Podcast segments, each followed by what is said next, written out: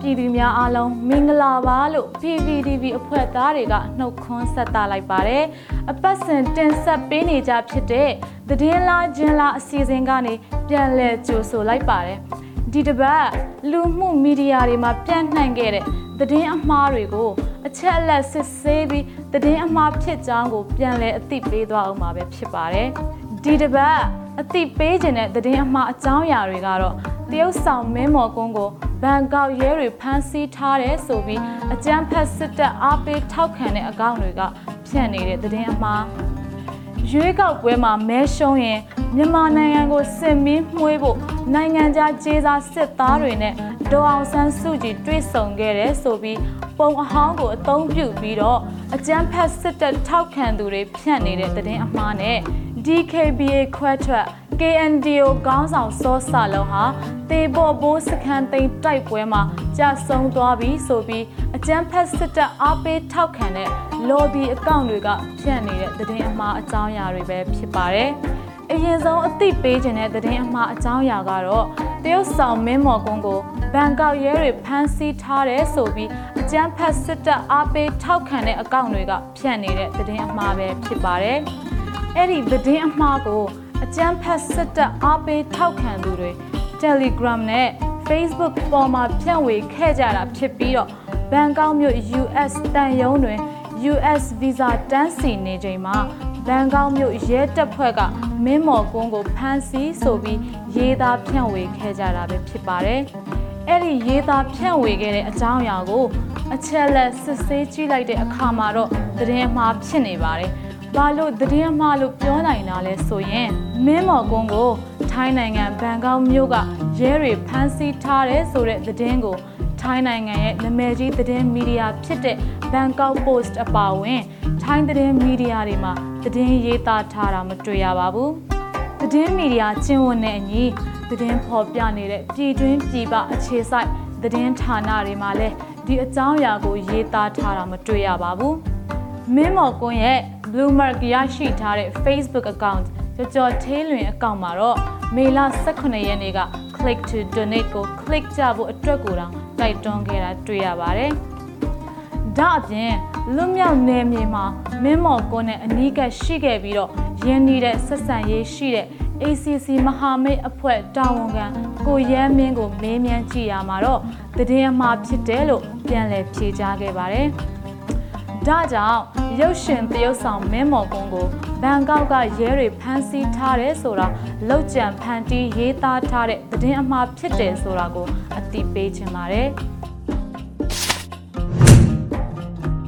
နောက်ထပ်အသိပေးခြင်းတဲ့သတင်းအမှားအကြောင်းအရာတစ်ခုကတော့ရွေးကောက်ပွဲမှာမဲရှုံးရင်မြန်မာနိုင်ငံကိုစစ်မင်းမှွေးဖို့နိုင်ငံခြားကြေးစားစစ်သားတွေနဲ့ဒေါ်အောင်ဆန်းစုကြည်တွေ့ဆုံခဲ့တယ်ဆိုပြီး ပုံအဟောင်းကိုအသုံးပြုပြီးတော့အကြမ်းဖက်စစ်တပ်ထောက်ခံသူတွေဖြန့်နေတဲ့သတင်းအမှားအကြောင်းအရာတွေပဲဖြစ်ပါတယ်။အဲ့ဒီသတင်းအမှားကိုလည်းအကြမ်းဖက်စစ်တပ်ထောက်ခံတဲ့အကောင့်တူတစ်ခုဖြစ်တဲ့စစ်မုံမန်ဆိုတဲ့စစ်ကောင်စီ lobby အကောင့်တူကမေလ12ရက်နေ့မှာရေးတင်ခဲ့တာကိုတွေ့ရပါတယ်။ဒီအကောင့်တူကဖြန့်ခဲ့တာတွေကတော့အန်ဒီစုအနေနဲ့ NLD မဲရှုံးရင်မြန်မာနိုင်ငံကိုစစ်မင်းမှွေးပြီးတော့ဖျက်ဆီးဖို့အတွက် NLD PDF အကြမ်းဖက်တွေကိုတင်နန်းပေးဖို့နိုင်ငံခြားကြေးစားတွေနဲ့တွေ့ဆုံခဲ့တယ်ဆိုတဲ့ပုံတွေထွက်လာပါတယ် FBR အဖွဲ့တွေလို့တော့သိရှိရပါတယ်ဆိုတော့ရေးတင်ထားပြီးအတိုင်ပင်ခံပုဂ္ဂိုလ်ဒေါအောင်ဆန်းစုကြည်နဲ့စစ်ဝတ်စုံဝတ်ထားတဲ့နိုင်ငံသားတွေနဲ့အတူစကားပြောနေတဲ့ဓာတ်ပုံကိုတင်ထားတာဖြစ်ပါတယ် ဒီအကြောင်းအရာကို အချက်အလက်စစ်ဆေးကြည့်လိုက်တဲ့အခါမှာတော့ဒေါအောင်ဆန်းစုကြည်ရဲ့2023ခုနှစ်ကသွားခဲ့တဲ့ဒီတိန်ခီးစင်တုံးကရိုက်ကူးခဲ့တဲ့ဓာတ်ပုံအဟောင်းကိုအသုံးပြုပြီးဖန်တီးရေးသားထားတဲ့သတင်းအတုနဲ့ချိတ်ဆက်ပြီးပုတ်ချထားတယ်ဆိုတာကိုတွေ့ရှိရပါတယ်။သတင်းအမှားဖြန့်ထားတဲ့စာအရ FBI ဆိုလိုတာက Free Burma Rangers အဖွဲ့ကိုဆိုလိုတာဖြစ်ပြီးတော့ Free Burma Rangers အဖွဲ့က ကျေးစားလက်နက်ကင်စစ်တပ်မဟုတ်ပဲလူသားချင်းစာနာထောက်ထားမှုအရာစစ်ဘေးရှောင်တွေကိုကူညီကယ်ဆယ်မှုတွေပေးနေတဲ့အဖွဲ့ပဲဖြစ်ပါတယ်။နောက်ပြီးဒေါအောင်ဆန်းစုကြည်က Free Burma Rangers အဖွဲ့တွေနဲ့တွေ့ဆုံခဲ့ခြင်းမရှိခဲ့ပါဘူး။ Google မှာ keywords တွေနဲ့ရှာဖွေချက်အရဒေါအောင်ဆန်းစုကြည်ဟာ2023ခုနှစ်အောက်တိုဘာလအတွင်းမှာဗြိတိန်နိုင်ငံခီးစဉ်ကိုတွားရောက်ခဲ့ပူပြီးတော့ အောက်တိုဘာလ25ရက်နေ့တုန်းကဗြိတိန် Sandhurst Darwin စစ်တက္ကသိုလ်မှာဒေါအောင်ဆန်းစုကြည်ဟာဘိုလောင်းတွေနဲ့တွေ့ဆုံခဲ့သလိုမိကွန်းတွေလည်းပြောကြားခဲ့ပူပါတယ်။ FBR အဖွဲ့တွေနဲ့တွေ့တယ်ဆိုပြီးဖြန့်ဖြူးထားတဲ့ပုံမှာဒေါအောင်ဆန်းစုကြည်ရဲ့ဘေးနားကစစ်သားရဲ့စစ်ယူနီဖောင်းလက်မောင်းမှာပြည်တိန်နိုင်ငံအလံကိုတွေ့ရပြီးတော့ Mountain ဆိုတဲ့စာသားကိုပါတွေ့ရပါတယ်။ဒါကြောင့်ပြည်တိန်နိုင်ငံကစစ်သားတွေနဲ့ တွေ့ဆုံစဉ်ကရိုက်ကူးထားတဲ့ဓာတ်ပုံဖြစ်တယ်ဆိုတာအသေးချာသိနိုင်ပါတယ်။သတင်းအမှားကိုဖြန့်ခဲ့တဲ့စင်မုံမန်ဆိုတဲ့အကောင့်ကိုစစ်စစ်ကြည့်မယ်ဆိုရင်စစ်ကောင်စီကို lobby လုပ်ရေးသားထားတာတွေကိုတွေ့မြင်နိုင်ပါတယ်။ဒါအပြင်ဒီအကောင့်ကတော်လှန်ရေးအတွက်လှုပ်ရှားနေတဲ့အဖွဲ့အစည်းတွေ CRPH NUG PDF စတဲ့အဖွဲ့တွေကိုသတင်းအတူသတင်းအမှားတွေနဲ့ပုတ်ချက်တိုက်ခိုက်လိမ့်ရှိတယ်ဆိုတာစစ်ဆေးတွေ့ရှိရပါတယ်။ ဒါကြောင့်အချက်အလက်တွေနဲ့အဆင့်ဆင့်တိုက်ဆိုင်စစ်ဆေးကြည့်မယ်ဆိုရင်ဒေါအောင်ဆန်းစုကြည်ကမဲရှုံးရင်မြန်မာနိုင်ငံကိုစစ်မီးမှွေးပြီးတော့ NLD PDF တွေကိုအကြမ်းဖက်တင်နန်းတွေပေးဖို့နိုင်ငံသားခြေစားတွေနဲ့တွေ့ခဲ့တယ်ဆိုတဲ့အကြောင်းအရာဟာရည်ရွယ်ချက်ရှိရှိနဲ့လောက်ကြံဖန်တီးရေးသားထားတဲ့သတင်းအမှားဖြစ်တယ်ဆိုတာကိုအတိပေးခြင်းပါတယ်။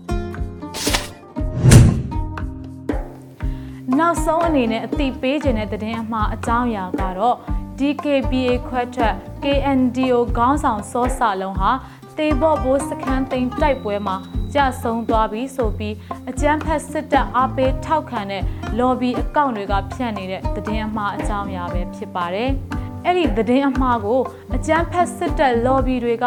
Telegram နဲ့ Facebook ပေါ်မှာဖြန့်နေတာဖြစ်ပါတယ်။ ဒီအကြောင်းအရာကိုအချက်လက်စစ်ဆေးကြည့်လိုက်တဲ့အခါမှာတော့လောက်ကျန်ရေးသားဖန်တီးထားတဲ့ဝါဒဖြန့်သတင်းအမှားဖြစ်နေတာကိုတွေ့ရပါတယ်။ဘာလို့သတင်းအမှားလို့ပြောနိုင်တာလဲဆိုရင်တော့ဘိုးစလုံးကြဆုံးတယ်ဆိုတဲ့သတင်းကိုယုံကြည်စိတ်ချရတဲ့ကရင်သတင်းမီဒီယာတွေအပါအဝင် KNLA, KNDO နဲ့ Cobra စစ်ကြောင်းကသတင်းဖော်ပြထားတာမရှိပါဘူး။ မြောက်ရီခရိုင်မြောက်ရီဝေါ်လီကားလန်နဘေးတေဘော့ဘိုးရွာအနီးရှိအကျန်းဖတ်စစ်ကောင်စီ၏တေဘော့ဘိုးစခန်းအားကော်ဘရာစစ်ကြောင်းနဲ့ KNL ပူးပေါင်းတပ်ဖွဲ့များက2022ခုနှစ်မေလ18ရက်နေ့နေ့လယ်ပိုင်းမှာတင်းယူနိုင်ခဲ့ပြီးတော့အကြမ်းဖက်စစ်ကောင်စီတပ်သား6ဦးကိုအရှင်ဖမ်းမိပြီးလက်နက်ခဲယမ်းတွေကိုလည်းတင်စီရမိခဲ့ပြီးတော့ကော်ဘရာစစ်ကြောင်းနဲ့ ပူးပေါင်းတပ်ဖွဲ့များဘက်ကတော်လန်ရေးရဲဘော်3ဦးကြဆုံးခဲ့ရပြီး၄ဦးမစိုးရိမ်ရတဲ့ထိခိုက်ဒဏ်ရာရရှိခဲ့တယ်ဆိုပြီးတော့ကော်ဘရာစစ်ကြောင်းကသတင်းထုတ်ပြန်ခဲ့ပါတယ်။ဒါကြောင့်အကြမ်းဖက်စစ်တပ်ကိုအားပေးထောက်ခံနေကြတဲ့အကောင့်တူတွေကဖြန့်နေတဲ့ DKBA ခွဲထွက် KNDO ခေါင်းဆောင်စောစာလုံးဟာတေဘော့ဘိုးစခန်းသိမ်းတိုက်ပွဲမှာကြာဆုံးသွားပြီဆိုတဲ့သတင်းက ရင်းသတင်းပဲဖြစ်တယ်ဆိုတာကိုမိဘပြည်သူတွေကိုအသိပေးခြင်းပါတယ်။ဒီတစ်ပတ်အတွက်သတင်းလားကျင်းလားအစီအစဉ်ကိုတော့ဒီမှာပဲရန်နာခွင့်ပြုပါမိဘပြည်သူများအားလုံးဘေးရန်ကင်းကွာပြီးသတင်းအမှားအန္တရာယ်တွေကနေလည်းကင်းလွတ်ကြပါစေလို့ကျွန်မဇွာလီမှာစုံဝင်